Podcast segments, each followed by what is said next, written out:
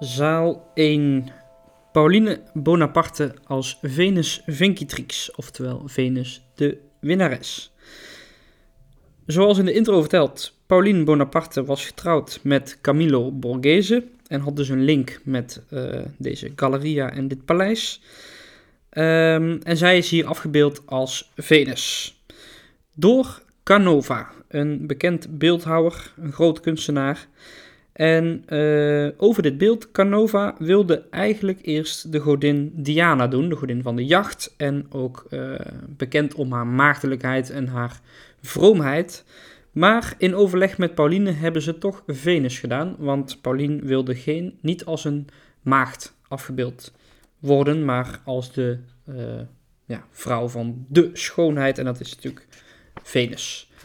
Um, kijk maar eens even goed, want in haar linkerhand heeft deze vrouw een appel. Nou, dat is natuurlijk een verwijzing naar het uh, Parisoordeel.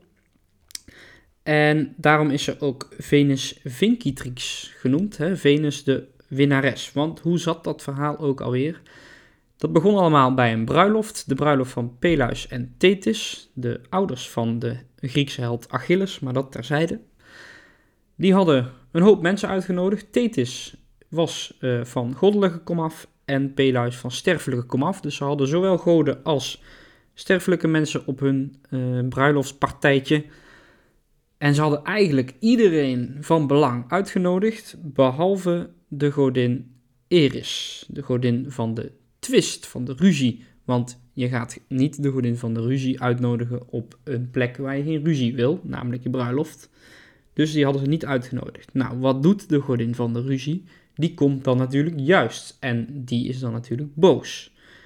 En wat heeft ze?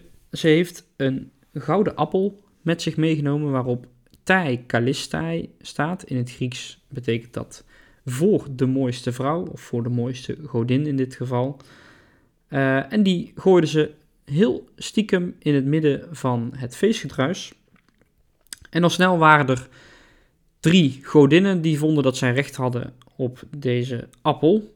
Um, als we even de Latijnse namen pakken, zijn dat Juno, Minerva en Venus. Juno, de vrouw van Jupiter, Minerva, de dochter van Jupiter, en Venus, de godin van de liefde. Um, ze gingen met z'n drieën naar Jupiter en zeiden: Jupiter, wie is van ons de mooiste? Voor wie is deze gouden appel? Nou, Jupiter is natuurlijk niet achterlijk, dus hij ging zijn vingers hieraan niet branden. Want als hij één de mooiste maakt, dan krijgt hij twee voor eeuwig tegen zich in het harnas. En dan bedoel ik letterlijk voor eeuwig, want goden en godinnen zijn natuurlijk onsterfelijk.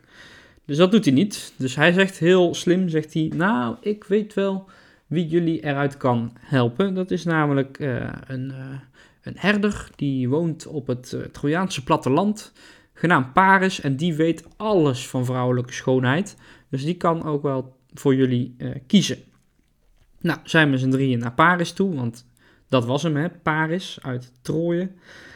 Um, en ze gingen met z'n drieën voor hem staan. En Paris, ja, een, een, normale herder, die schrok zich helemaal kapot van dat goddelijke, mooie naakt voor zijn neus. En ze uh, begonnen, uh, één om één, begonnen ze hem beloftes te doen. Al nagelang hun goddelijke macht. En Juno begon en zij zei, want zij is de godin van de macht. Zij zei: Jij wordt de machtigste man van heel Azië. Nou, uh, interessant, zegt Paris. Maar daaroverheen kwam Minerva, de godin van de wijsheid en de uh, oorlogsstrategie. Zij zei: Jij wordt de grootste krijger en het, de wijste man ter wereld. Hm, Oké, zegt Paris. Nou, interessant. En toen kwam natuurlijk Venus de godin van de liefde, en zij beloofde hem de mooiste vrouw op aarde. En Paris hoefde niet lang na te denken. Hij koos voor Venus en maakte Juno en Minerva voor eeuwig boos op hem. Maar Venus won dus en kreeg dus de gouden appel en vandaar die appel dus in haar linkerhand bij dit beeld. Um, Canova wilde eerst alleen uh, de bovenkant, dus het, uh, de kop en uh, eventueel de schouders erbij doen.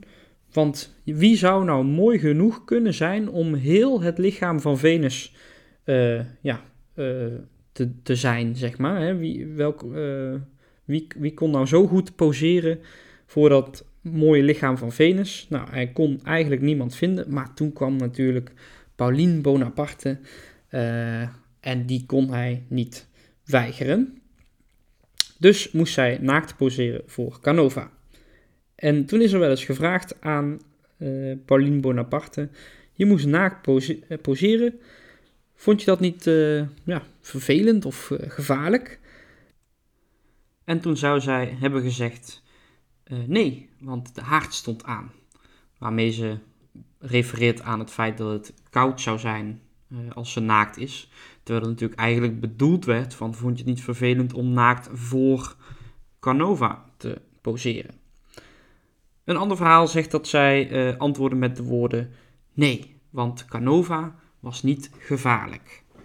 Waarmee ze uh, verwees naar de, het verhaal wat rondging dat Canova homoseksueel zou zijn.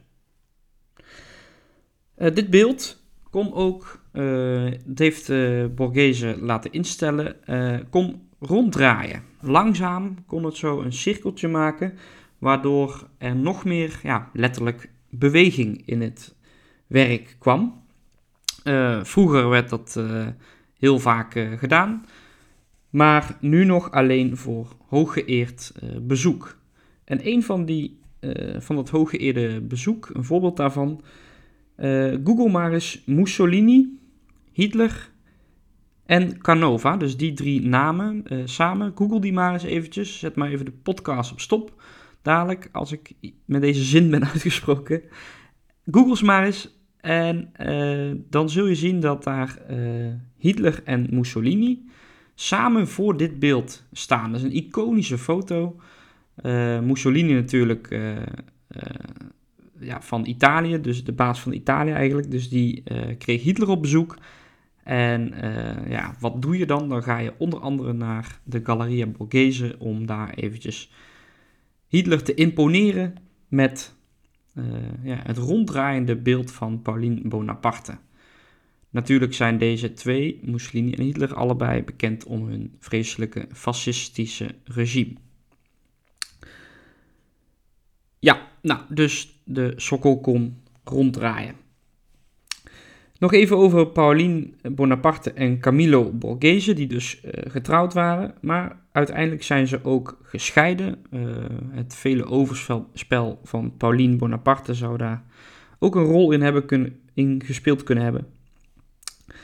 En uh, na die scheiding mocht Camillo niet zomaar meer het beeld van Pauline, zijn ex-vrouw dus, uh, bekijken of laten zien aan anderen. Maar heel af en toe, zo eens in de zoveel tijd, mocht hij bij hoge uitzondering met slechts één kaars uh, zijn vrienden uitnodigen om naar het uh, werk te kijken. Omdat het beeld van Canova aan zich natuurlijk nog steeds gewoon heel mooi was. Maar ja, het was wel een naakte Pauline Bonaparte. En dat vond Pauline niet zo fijn. Dus daarom alleen bij hoge uitzondering met slechts één uh, lichtje van een kaars zodat ze natuurlijk niet alles heel goed konden zien. Uh, Pauline was sowieso een, uh, een vrouw apart. Want ze, wat had ze nou nog meer allemaal voor fratsen? Nou, ze had kamermeisjes die ze verplichtte om als haar voetenbank te, te hurken. zodat ze daar lekker haar voetjes kon opleggen.